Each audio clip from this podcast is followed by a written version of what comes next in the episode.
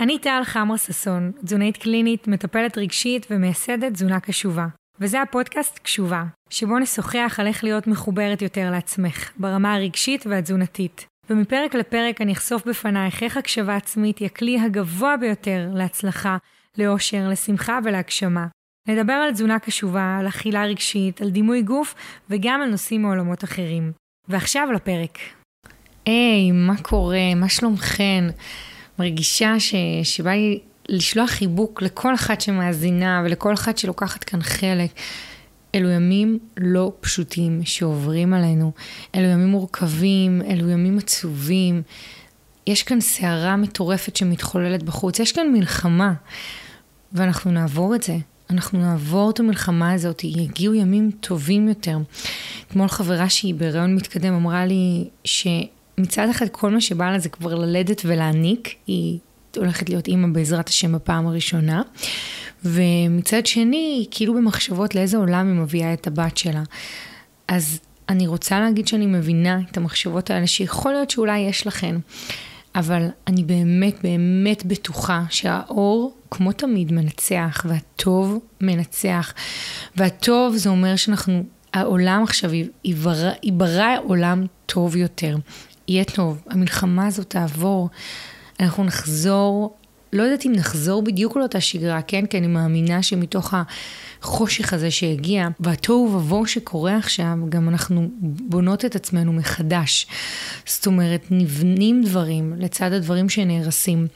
אז לא נחזור בהכרח לאותה אני שהייתי לפני השביעי לעשירי, אבל בהחלט יקרו דברים טובים ונחזור לשגרה שהיא תהיה שגרה חדשה ומיטיבה ואמן, אמן, אמן, אמן, שבזמן שאתם שומעות את, ה, את הפרק הזה, כבר התבשרנו בזה שכל השבויים חזרו והחלמה מלאה לכל, מהירה לכל הפצועים, וכמובן שיחזרו בשלום כל החיילים וחיילי המילואים והאזרחים, וכל מה שנמצא עכשיו בעורף, וכמובן בתוך לחימה בכל החזיתות. אז אני בוחרת כאן, ככה, והכי ספונטני שיש להתחיל את הפרק הזה. בכלל פרק שאני גם מקליטה אותו בצורה יחסית ספונטנית, כי נוצר לי איזשהו ואקום, הילדים עדיין לא במסגרות, אה, אבל נורא נורא חשוב לי לשמור על הקשר הזה איתכן, הוא ממלא אותי, אני יודעת שהוא גם עושה לכן טוב, שזה כמובן הכי משמח אותי בעולם לשמוע.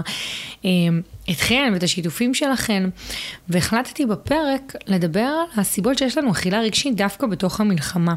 כי אני יודעת מההיכרות שלי עם נשים שאני מלווה, שאחד מהדברים שהכי עושים לנו סדר, עוזרים לנו לנרמל ועוזרים לנו גם לשנות, היא הבנה.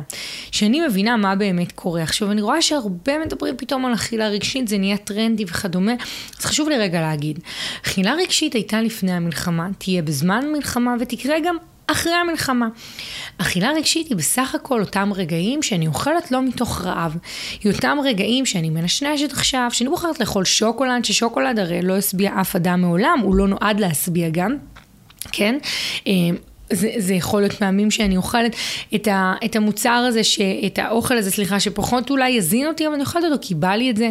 זה קורה כשאני באכילה חברתית, זה קורה שאולי, מן הסתם, מתוך רגשות שהתעצבנתי, שאני חווה חוסר ודאות וכדומה. אכילה רגשית קיימת תמיד. היא מה שמעידה על זה שאנחנו בנות אנוש, והיא מאפשרת לנו גם הרבה פעמים ליהנות מאוכל, להיעזר באכילה כדרך להנאה או כדרך להגביר הנאה. אם עכשיו אני יושבת עם עם בן אדם שאני מאוד מאוד אוהבת בתוך מסעדה, דבר שבהחלט לא קרה המון זמן, כנראה אצל רובנו, אבל אבל לש... אני יושבת איתו בתוך מסעדה, אז אני נהנית גם מהזמן איתו, ואני נהנית מה... מהחברתיות, מהאווירה, וגם כמובן מהאכילה. הגיוני, נכון, שאנחנו טסות, טסות לחו"ל, אנחנו נהנות מ... לא רק חו"ל, כן, גם חופשה. אנחנו נהנות מאוכל, אוקיי? ליהנות מאוכל זה חלק מהעניין של זה, זה שיש רגש בתוך האכילה שלי. וזה מה זה לגיטימי. וזה לא רק לגיטימי, זה אנושי, זה, זה, זה טבעי. זה כמו שאני הולכת לעשות פיפי, ככה ברור שתהיה לי אכילה רגשית. כאילו אין טבעי מזה.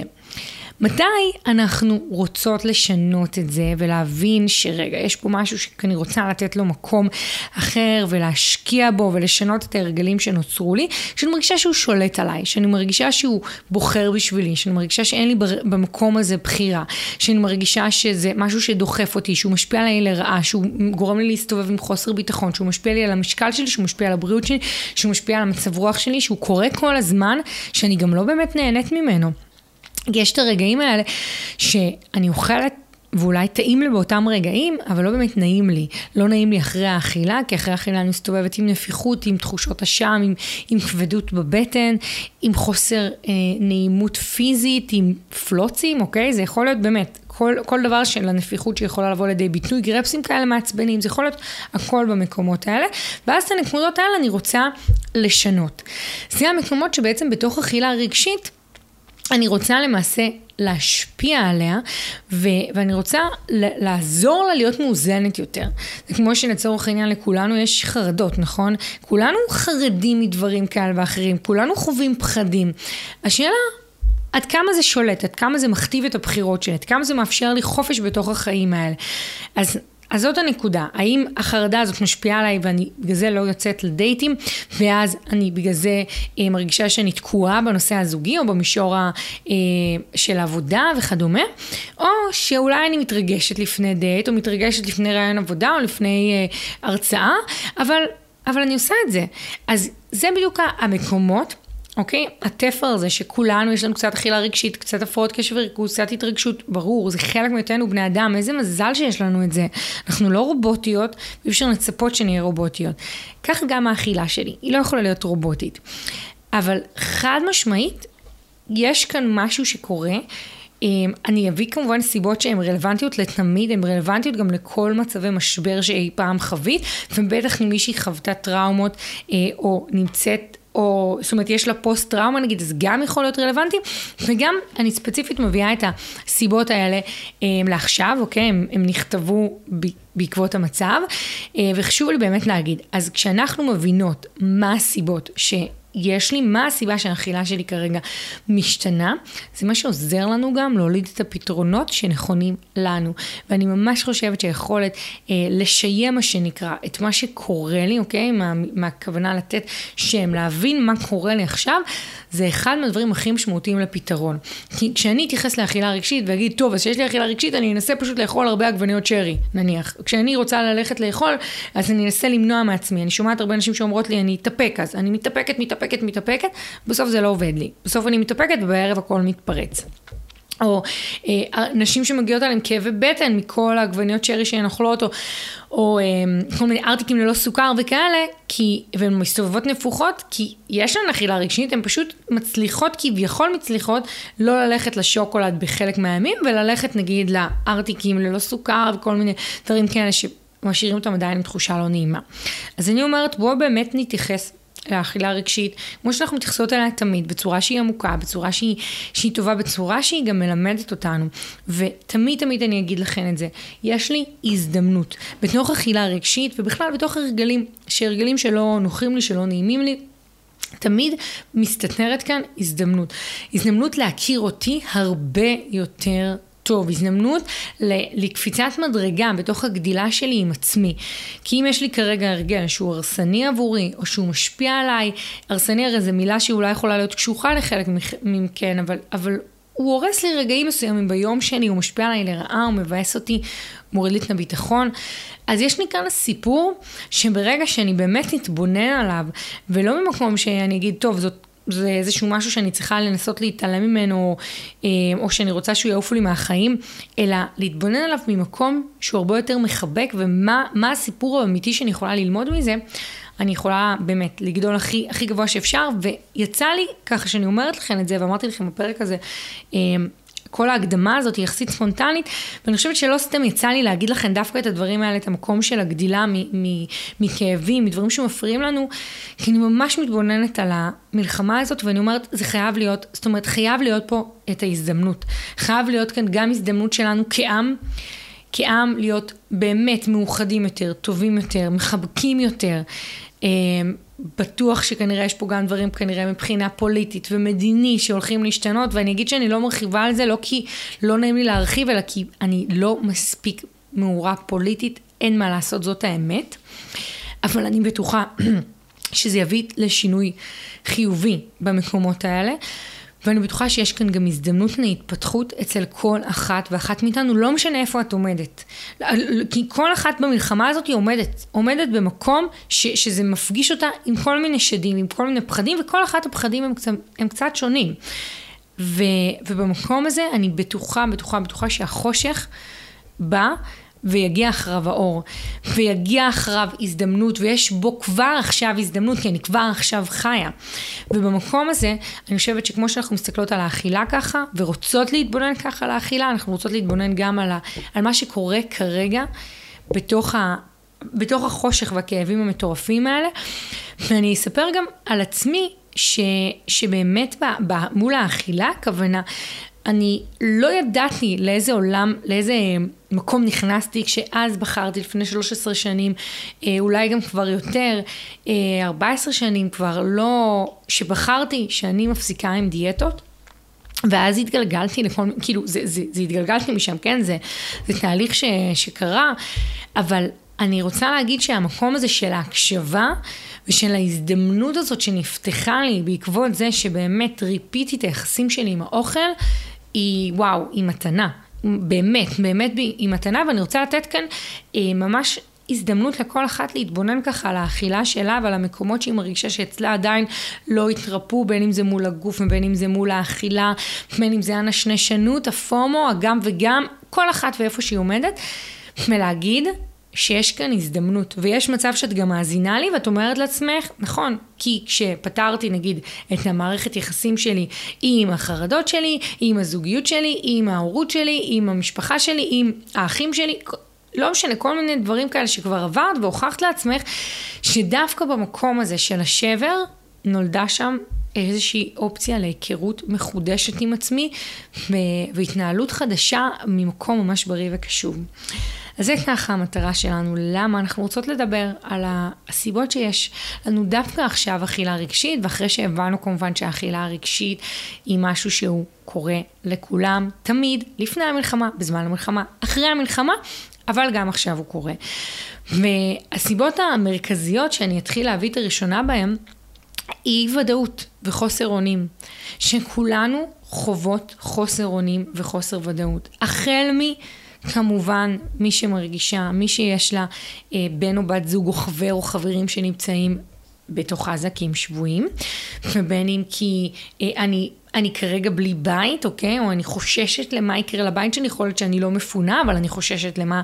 אני, אני חוששת, אני חיה בחוויה שכל הזמן, האי וד... יש לי כל הזמן חוויה של חוסר ביטחון קיומי, שפוגש אותי ברמה כזאת או אחרת, אבל הוא עדיין פוגש אותי, אני פותחת את הטלוויזיה, אני פותחת את האינסטגרם, אני פותחת, אני, אני, הוא כל הזמן נמצא, הוא נמצא בשיחות עם אנשים, אז הוא כל הזמן נמצא. ברור שאי ודאות אם יש לי חבר, חברה, בן זוג, בת זוג שנמצאים, ב, שנמצאים במילואים, שהם משרתים, אה, החל אם כמובן הם נמצאים, הם לוחמים ונמצאים בתוך עזה, או הם בלחימה, אה, לא, הם לא חייב להיות בתוך עזה, כן, יש גם את הצפון, אבל, אבל זאת אומרת, לא חייב, לא חייב רק מי שנמצא כמובן בלחימה, אלא גם בכללי, כאילו, המציאות השתנתה. האי ודאות, מה קורה עם הגן של הילדים שלי, האי ודאות עם, ה, עם העבודה שלי, עם, ה, עם הזוגיות שיש לי, או עם הזוגיות שהתחלתי, או עם הזוגיות שאין לי, זאת אומרת, כולנו חוות אי ודאות תמיד, קודם כל חשוב לי להגיד, אי ודאות זה משהו שבני אדם לא סובלים לחוות, אבל כולנו תמיד נחווה את זה. כאילו אם כל הזמן גם ננסה לחשוב על, על אי ודאות, אז בטוח נמצא כל פעם, שום דבר לא ודאי הרי. אבל האי ודאות היום היא הרבה הרבה יותר נוכחת וגם מציאותית. זאת אומרת, היא הרבה יותר נוכחת. תיאורטית, גם לפני חודשיים יכלו, יכלנו לשמוע, לשמוע אזעקות. אבל ברור שעכשיו אנחנו, המוח שלנו והאוזן שלנו הרבה יותר מופנים לשים לב לדברים האלה, וזה מייצר הרבה יותר חוויה של חוסר ודאות, ומתוך החוויה הזאת נוצר גם חוסר אונים. כי שיש כאן דברים שהם ביטחוניים ומדיניים, ואני תלויה בהמון המון דברים. נניח הדבר הכי פשוט שקל לי להתייחס אליו עכשיו זה המסגרות של הילדים שלי.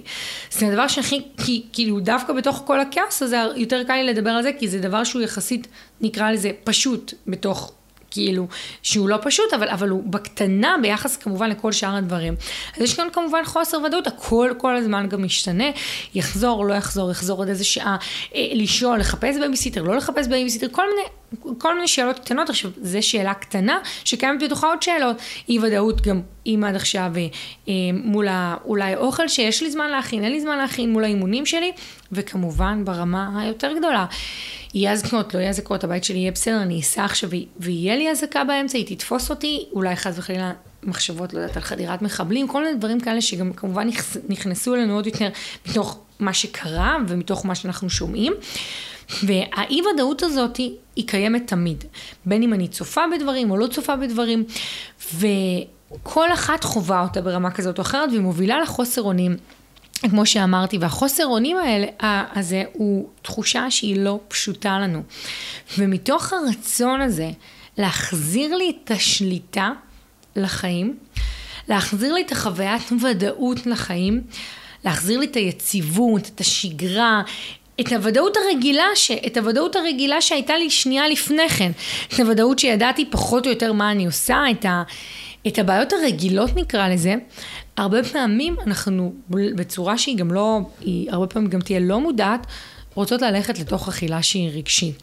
כי כשאני הולכת לאכילה רגשית, וללכת לאכילה רגשית זה להתעסק באוכל, להתעסק בגוף שלי יותר, לחשוב על הגוף שלי, להתבאס על האכילה שלי, להסתכל על תפריטים, אה, לחשוב על איזה מתכונים אני מכינה, לאכול כמובן, לאכול בצורה שהיא לא, כאילו לא מזינה, לנשנש וכדומה. אז אני מתחילה להיפגש עם קושי שהוא מוכר לי.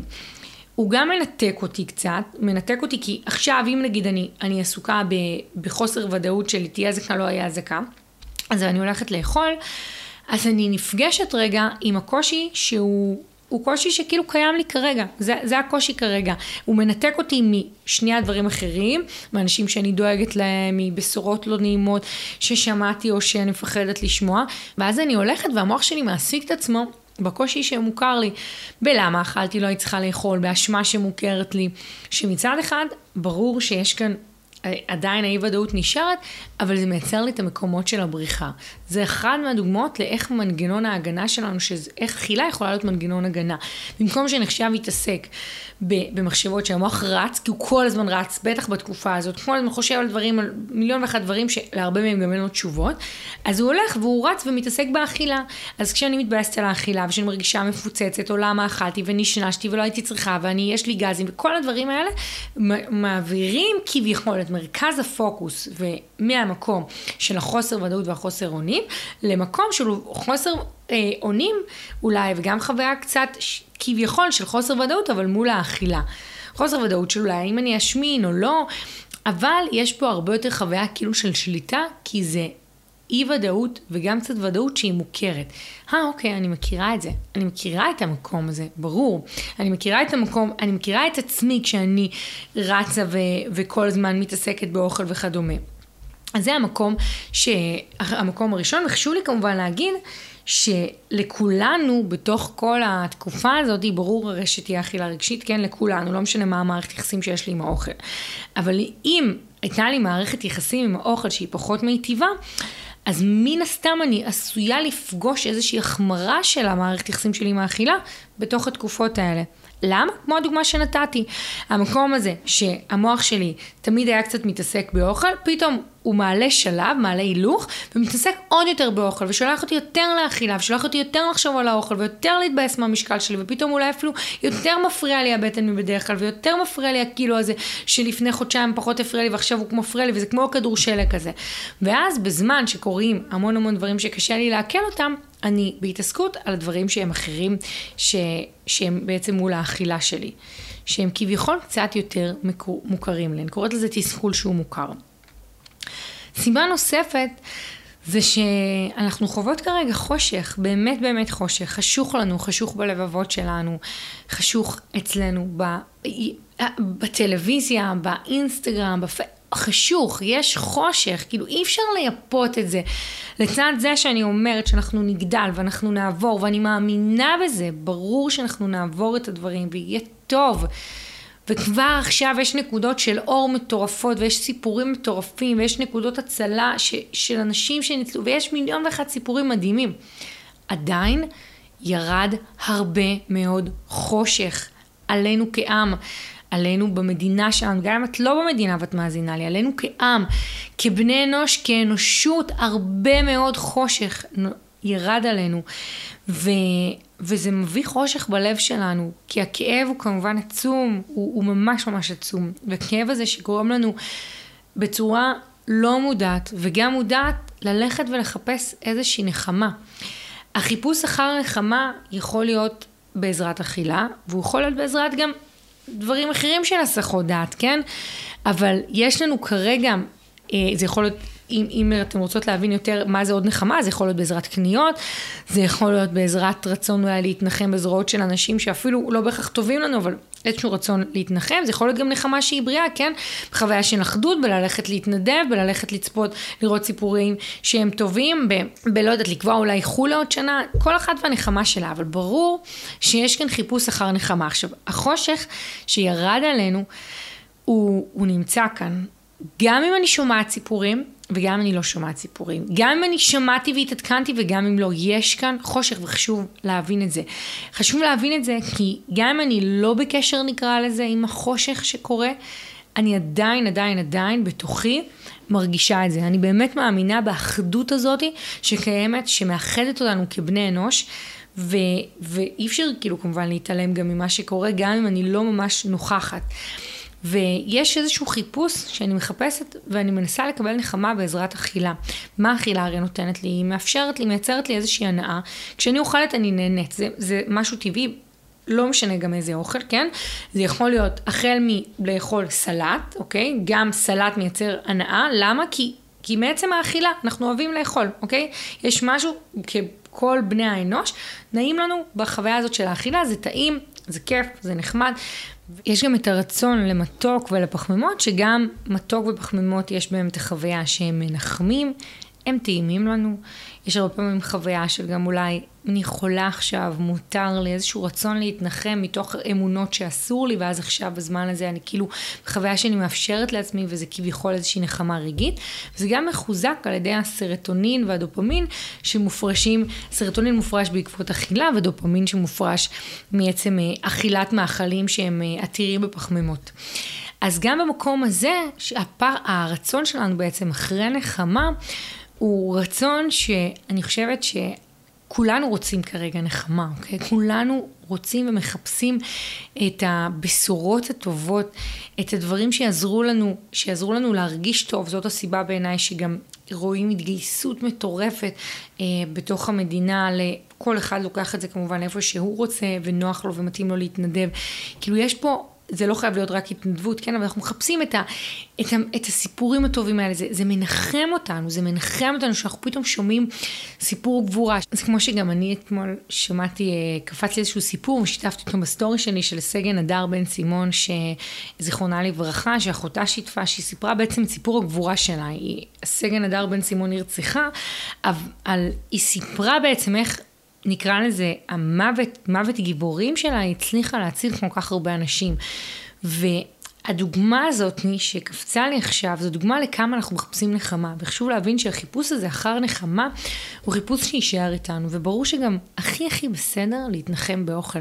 זה בסדר לאכול עכשיו קצת יותר מתוק, ולנסות אולי אפילו שהארוחות שלנו יהיו טיפה יותר מתוקות. אז להפוך לארוחה שהיא מתוקה יותר, וארוחה מתוקה זה יכול להיות החל מלחם עם ממרח מתוק, או יוגורט נגיד, או דייסה, או אפילו את הטופו או את העוף שלנו ב... ברטבים מתוקים, זאת אומרת, זה בסדר שאולי חלק מהנחמה הזאת תרצה לבוא לידי ביטוי גם באכילה. זה ממש ממש בסדר, ואני לא חושבת שלנסות למנוע מאיתנו, זה מה שיביא לנו בסופו של דבר את, ה, את השינוי, אוקיי? בטח לא, ה, בטח לא מול האכילה. מה שכן אבל חשוב להבין, שה... החושך הזה כן גם צריך לקבל קצת יותר מקום, ואני רוצה, אני רוצה להבין אותו, כי אם אני עכשיו בנחמה ובניסיון לנחם את עצמי שוב ושוב ושוב בעזרת אכילה, מה שקורה זה שאני מפסיקה, אני מפסיקה להיות בקשר עם עצמי, אני כבר הופכת את זה לניתוק. יש הבדל בין לשבת ו, ולתת לעצמי קצת יותר מתוק, כמו להחליף ארוחות יותר למתיק, למתוקות, וזה בעצם האכילה הרגשית הטבעית שאמרתי בתחילת הפרק, לבין המקום הזה שכבר אני מתחילה להיות אדם מנותק מעצמי בעזרת זה שאני אוכלת שוב ושוב ושוב מתוק. ולכן אני ממש מציעה לשים לב לדבר הזה ולהיות בקשר רגשי, גם ממש עם המקומות החשוכים בתוכי, ממש ממש ככה. ו, ולנסות אולי גם לאסוף דברים שמנחמים אותי קצת יותר בתקופה הזאת, בין אם זה לצפות בסרטונים שהם מחזקים יותר, בין אם זה לחשוב על לשמוע שיר, או להתבונן בעצמי, או, או לעשות משהו לטובת מישהו אחר שמחזק אותי, או להיות בעיקר בקשר עם החושך הזה, כי החושך הזה, גם ש, שאמרתי, החושך בלבבות שלנו, הוא לא משהו שיעלם ברגע. ועצם זה שאני מצליחה להבין, וגם מצליחה כמובן לעשות לי הנחות, בסדר? הנחות ממקום הכי טבעי שיש בתוך החיים שלי, ולהבין שהחיים לא יכולים להימשך כרגיל, ואני לא יכולה להיות בציפיות כרגילות, להיות לא האימא שאני, ולא אה, שהייתי, או לא הבת זוג שהייתי, או או, או לא הבת משפחה שאני וכדומה, אז זה משהו שיכול מאוד מאוד לעזור. אז, אז להיות בקשר עם, ה, עם החושך כרגע, שירד הלבבות שלנו, והחושך הזה בסופו של דבר יהיה מלא אור בתוך הלב שלנו, אני בטוחה. אבל החושך הזה גורם לנו לרצות ללכת ולאכול ולחפש נחמה. זה טבעי בטירוף. אבל אני לא רוצה לסבול יותר מזה, וזה ההבדל בין המקום שאני מתנחמת בצורה טבעית מהאכילה, מעצם היותי בת אנוש, לבין זה שאני הופכת את הרצון הזה לנחמה בעזרת אכילה לניתוק וכבר לסבל עם עצמי. ואז מי שיש לה כמובן אכילה רגשית יודעת, זה המקום הזה שאני הולכת וכל הזמן רק חושבת על אוכל, ואני מנותקת מעצמי, ואני מתבאסת מהאוכל ומהגוף שלי, ואני כאילו כל הזמן רק חושבת על זה. והמקום הזה, זה מקום שהוא הוא לא נוח בלשון המעטה, הוא לא בריא לי בלשון המעטה, הוא גם לא נותן לנשמה שלי את מה שהיא צריכה. כי הנשמה של כולנו צריכה עכשיו שנהיה גם בקשר עם החושך הזה שירד עלינו. ירד על כולם. ברור שיש אנשים שאיבדו את הקרובים אליהם, ו- ו- ואם את מקשיבה לי, או אתה מקשיב לי, אז אני שולחת את הכי הרבה תנחומים ש- שאפשר לסיטואציה המטורפת הזאת. אבל כולנו, זה קיים בתוכנו, ולכן חשוב להיות בחיבוק מול הדבר הזה. דבר נוסף שמשפיע על האכילה שלנו ולאכ... ועל הרצון בעצם לאכילה רגשית זה פחדים. יש לנו פחד מהמון דברים, כאילו, תמיד יש פחדים, אבל עכשיו הפחדים עלו, ואני מציעה לך, לפני שאני אפילו אגיד את הפחדים, לחשוב שנייה עם עצמך ממה את מפחדת בתקופה הזאת. את יכולה ממש לחשוב שנייה עם עצמך, ממה את מפחדת? כי כנראה שכשאת תשאלי את עצמך מה מפחיד אותך, יעלו לך תשובות. זה יכול להיות פחד מאזעקה, זה יכול להיות פחד אחרי אזעקה, פחד של דברים שיכולים לקרות, זה יכול להיות מ... הייתי לפני כמה ימים אה, עם מישהי שהיא כזה מכרה, והיא אמרה לי פחד מנגיד מלחמה בכל החזיתות. ומלחמת גוג ומגוג, כל מיני דברים כאלה שנגיד אני לא לי אין את המחשבות האלה, אבל אני יודעת שהרבה אנשים אחרים יש להם את המחשבות האלה. לי נגיד יש יותר פחד מאזעקה, ופחד מה יקרה אם תתפוס אותי אזעקה, ופחד מחדרת מחבלים, כל מיני, נגיד, זה הפחדים שלי, ועוד כל מיני פחדים אחרים, אבל אז אצל כל אחת יש את הפחדים שלה, ואני לא באה להכניס לכם פחדים, אלא באה לשאול אתכם מה הפחדים שלכם, וזה יכול להיות בהתאם למצב הביטחוני, או המצב, או האדוות שהמצב הביטחוני משפיע. כי יש אנשים שיותר בחששות מהמצב הכלכלי בעקבות המצב הביטחוני. זה כל אחד ואיפה שהיא עומדת.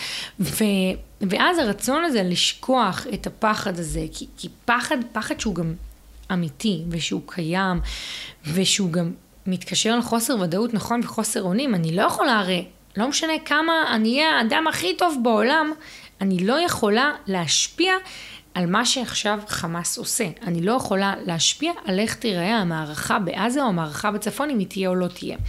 וזה מגדיל כמובן את החוסר אונים, ובעזרת האכילה, האכילה הגדולה, האכילה הנשנשנית, אני בעצם מתחילה באיזשהו מקום של לברוח, לברוח מעצמי, לברוח מהמחשבות שלי, לברוח מה, מ, מ, מהמחשבות הרגילות שלי וללכת לפחדים שהם אחרים. מה יקרה אם אני אוכל הרבה? מה יקרה אם יהיו לי התקפי אכילה? מה יקרה אם ההתקפי אכילה האלה לא יפסיקו? מה יקרה אם אני אעלה שוב ושוב ושוב במשקל? מה יקרה אם אני אחזור למשקל שעליתי? מה יקרה אם אני אשבור את השיא של המשקל שלי? מה יקרה אם... אם ישאירו לי אולי מהאוכל, לא ישאירו לי מהאוכל, אם ייגמר לי, אם לא יהיה לי זמן ללכת להכין לעצמי, אם, אם אה, ייגמר לי היוגורט ואני לא אספיק לקנות לעצמי, וכל אחת פחדים שאני מתכוון שהם סביב אכילה.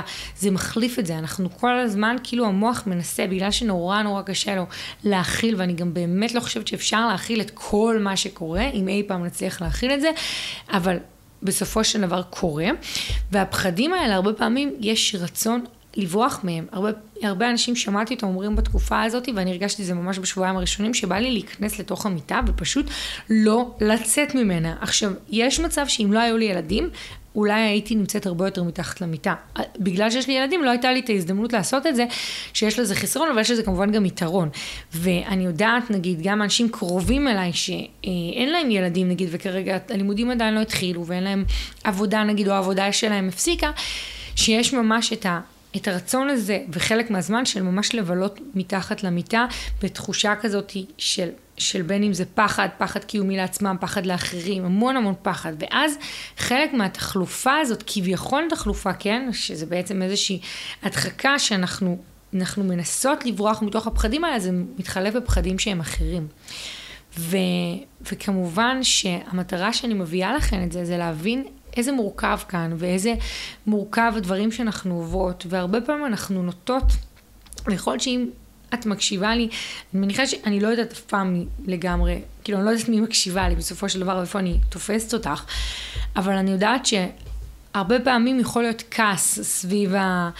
סביב, סביב אפילו לתת מקום לפחדים האלה, כי אם אולי את אומרת לעצמך, אבל אני, אני יחסית בטוחה, אני נמצאת עכשיו במילואים, אז אני יחסית בטוחה, אני נמצאת עכשיו ב, אה, בתל אביב, אני נמצאת עכשיו בפרדס חנה, אני, כאילו, כל אחת הרבה פעמים מתוך החוסר רשות שלנו, לתת לעצמנו את האופציה להרגיש, לפחד אולי, לתת מקום למק... ל... ל... לכל מה שקורה, אז הרבה פעמים אנחנו אנחנו מנסות להשטיח את זה, או לא, אנחנו לא נותנות לעצמנו לגיטימציה, לפחד וכדומה.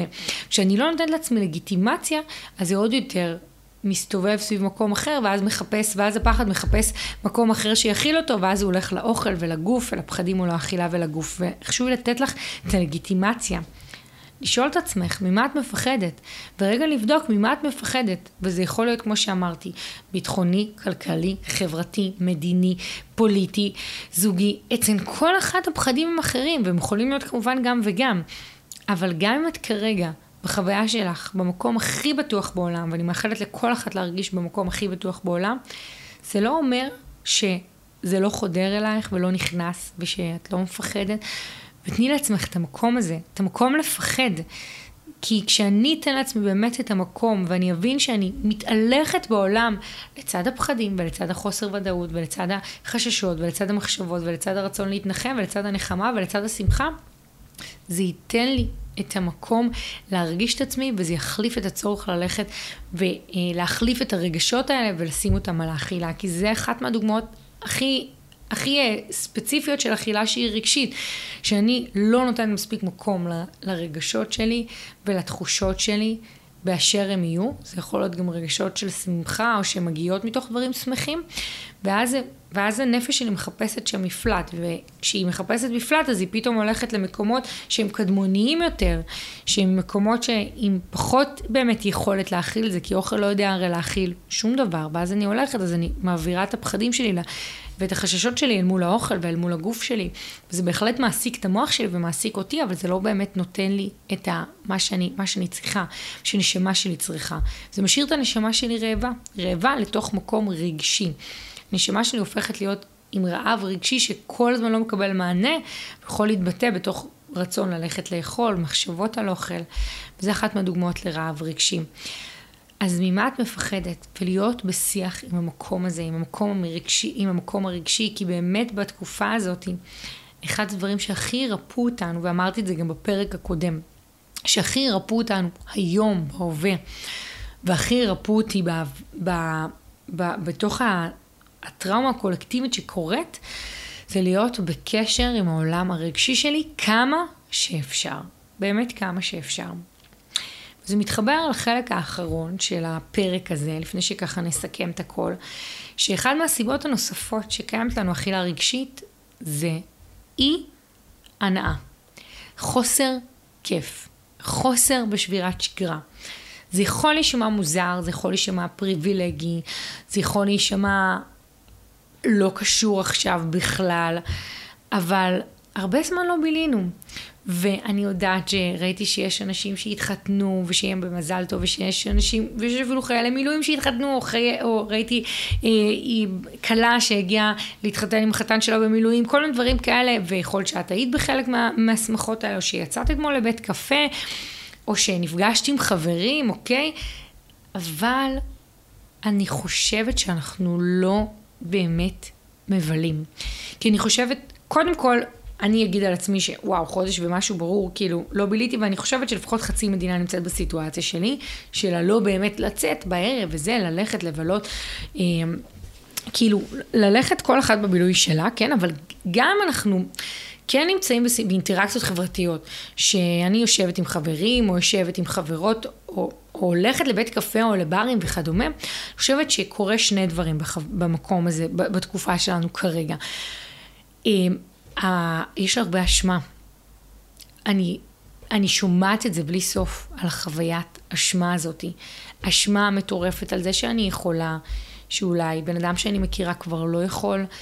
על אנשים שאולי אני לא מכירה, אבל אני מכירה ברמה כזאת או אחרת, כאילו דרך הסיפורים וכדומה, על זה שאני מאפשרת את זה לעצמי. וגם, גם כשאנחנו כבר נפגשים, אנחנו, השיח כל הזמן שם. כאילו, כל הזמן קיים השיח, השיח, השיח כאילו סביב, סביב מה שקורה, סביב מה שקורה עכשיו. יש גם את הפחדים שמתווספים, פחד מפחדים ביטחוניים שיכולים לקרות וכדומה, זאת אומרת, ההנאה שהכיף, הסיטואציות שוברות השגרה, שזה יכול להיות שובר השגרה הכי בקטנה של ללכת למאפייה ולקנות אה, אה, להיום עוגיות, או להכין לעצמי עוגיות לחברה שבאה בערב, כאילו זה לא מדברת על דברים שהם אני אפילו לא מדברת על טיסה לחו"ל. ש, שיש אנשים שאני יודעת שנגיד מרגישים את הצורך לטוס כמה, אחת לכמה חודשים, או ללכת למסיבות נגיד, ש, שכאילו, אני מניחה שזה הרבה פחות קיים עכשיו, אבל אני מדברת על דברים שהם לצאת בערב, להיפגש עם חברים, ללכת אפילו לשבת לעבוד בבית קפה בסבבה, כאילו, אני באמת חושבת שגם המקומות האלה, גם כשהם קורים, עדיין הכל מורגש. מורגש כי אפשר לראות סביב חיילים, ואפשר לראות, ואפשר לשמוע את השיח, את השיח של השולחן. לצידי, את השיח של... שלי ושל האנשים שלי, את החוויית אשמה, את השנייה לפתוח את האינסטגרם, ואז, ואז כל מיני דברים קופצים. ואני באמת חושבת שחסרה לנו הנאה. זה חסרה לנו כיף, בצורה אפרופו מאוד טבעית, כמו אבל. כשיש אבל, ואם נתבונן רגע על השבוע של האבל, אה, על השבעה, ואחרי זה על החודש, ואני חושבת שעדיין, שלמרות שאני מקליטה לכם את זה אחרי 30 ימים, עדיין יש כאן אבל, עדיין האבל הוא, אני, מדברת על האבל הקולקטיבי, האבל הלאומי הוא עדיין קיים, ובמקום הזה בצורה מאוד טבעית, יהיה חסר כיף, יהיה חסר הנאה. במקום הכי פשטני שלה, רגעים של פשוט פשוט רגעים כאילו שנועדו לסתם לעשות כיף. בלי מטרה של עבודה, מטרה של, של אה, לא יודעת, לצבור קשרים, פשוט כיף.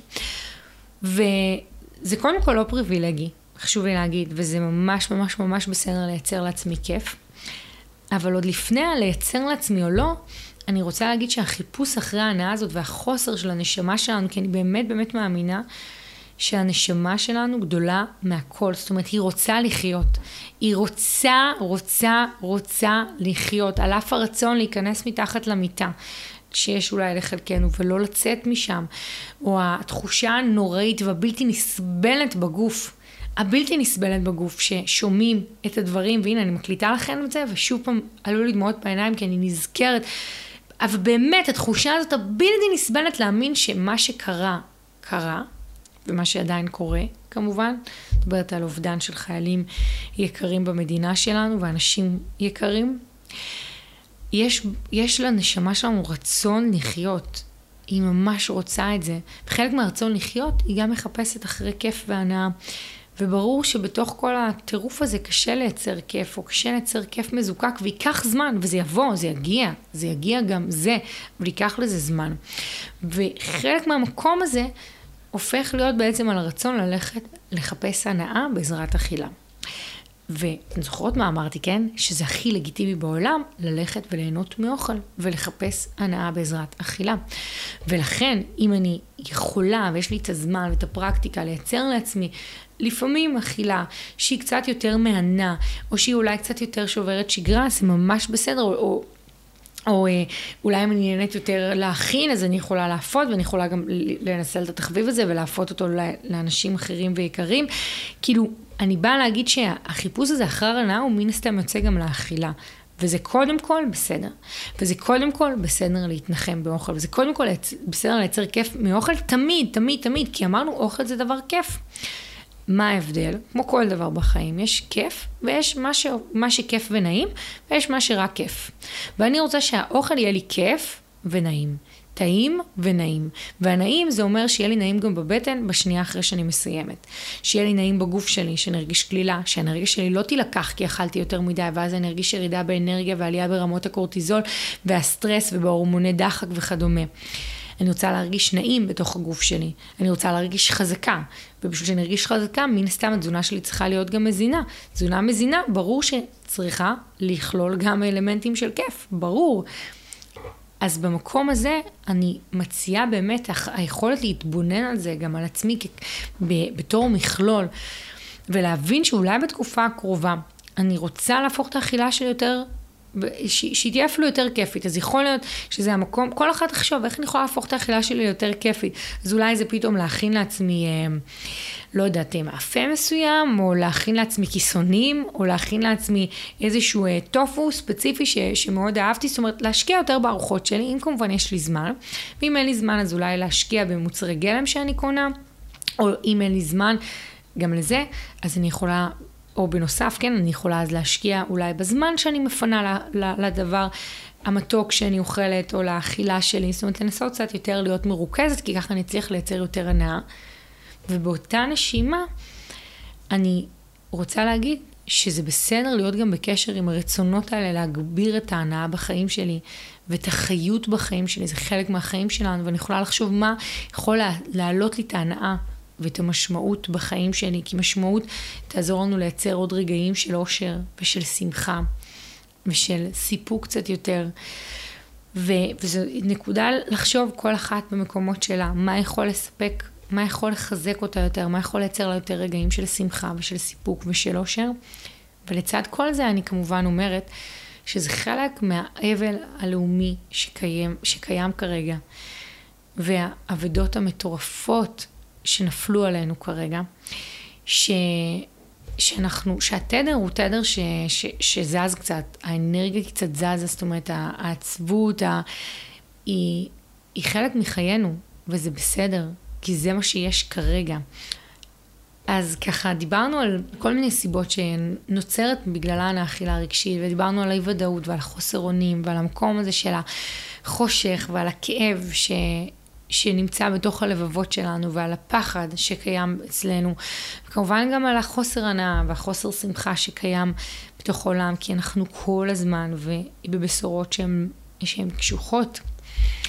ולקראת סיום, בא לי לשתף אתכם אה, במשהו, משהו אחרון שאיתו אנחנו נסיים, שדיברתי עם אה, קרובת משפחה שלי, בדודה שלי, ו... והיא אישה שאני ממש ממש מעריכה, והיא שוברת תקרות זכוכית מטורפים בצבא, היא, היא, לוח, היא מג"דית ולוחמת בתפקידים מאוד מאוד גבוהים. ולשמחתי הרבה הייתה לי הזדמנות לשבת איתה לשעה בתוך המלחמה הזאת לפני כמה ימים. והיא אמרה לי, תקשיבי טל, אני יודעת כמה שומעים דברים בעורף, אבל בא לי, ש... בא לי שידעו כמה אנחנו עושים וכמה קורה וכמה שינינו את התמונה.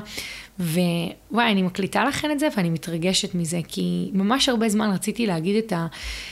את הדברים האלה שהיא אמרה לי, ואני לא אומרת את השם שלה, כי רגע אני לא יודעת אם היא רוצה שאני אגיד את זה או לא, זה היה, דיבר, זה היה שיחה שלי ושלה. ואני הרגשתי שעכשיו זה הזמן, והיא אמרה לי, בא לי להגיד כמה הצלחנו כמה הישגים משמעותיים קורים, וכמה לצד כל מה שאתם שומעים, והמחירים הפסיכיים, הפסיכיים, ששילמנו ושכרגע משלמים, לפני כמה שעות הרי ראיתי שנרצח חייל צה"ל אה, בתוך, אה, זאת אומרת, בתוך עזה. ואני מקווה שלא לא תתבשרו, לא יקרה שום דבר חדש לרעה ברגע שתקשיבו לפרק הזה, אבל היא אמרה לי, קורים הרבה מאוד דברים טובים. מה שאני רוצה, הרבה מאוד דברים טובים מבחינה מדינית, הרבה ביטחונית, מבחינת איך שאנחנו משנים את התמונה, מבחינת הישגים, שהיא אמרה לי, לא יודעים את הכל, וגם לא הכל, כאילו מן הסתם לא הכל משודר, אבל קורים דברים מדהימים ומטורפים, ושינינו את התמונה, והצלחנו לשנות את התמונה. ומה אני אגיד לכם, אני סומכת עליה, והמילים האלה שהיא אמרה לי, הם ממש ממש ממש נחקקו לי, ו... והרגשתי צורך להגיד אותם, כי אנחנו שומעים הרבה מאוד דברים, וכשאנחנו פותחים את החדשות, ברור, יש, גם יש המון המון המון רע, המון כאב, המון אבל, המון. אבל לצד החושך המטורף הזה, יש עדיין, וקורים עדיין דברים טובים, ויקרו עוד יותר דברים טובים, ואנחנו נתחזק ונצא מזה. אז אני מה זה אשמח לשמוע, מה אתן לוקחות, למה התחברתן, מה, מה אתן, מה, איזה תובנה נפלה לכן, מה אתן הולכות ליישם. אה, תכתבו לי, תשתפו אותי, תשתפו אותי באינסטגרם, תכתבו לי תשתפו את הפרק הזה עם מי שאתן מרגישות שצריכה את זה. אתן מוזמנות לדרג את הפרק גם באפליקציה של הפודקאסטים. אני כל כך שמחה כל פעם לראות עוד ועוד ועוד נשים שמדרגות את זה. זה משמח אותי ממש. אז מזמינה אתכם, ומזמינה אתכם גם לשמור את התוכנית של הפרק בכל אפליקציה שבה אתן מאזינות, כדי שכל פעם אה, שייצא פרק חדש, יספרו לכן עליו. ותודה, תודה שאתן כאן, תודה שאתן מאזינות. ותודה לעדי שחם שעורכת לי את הפרקים, ואנחנו ניפגש בפרק הבא.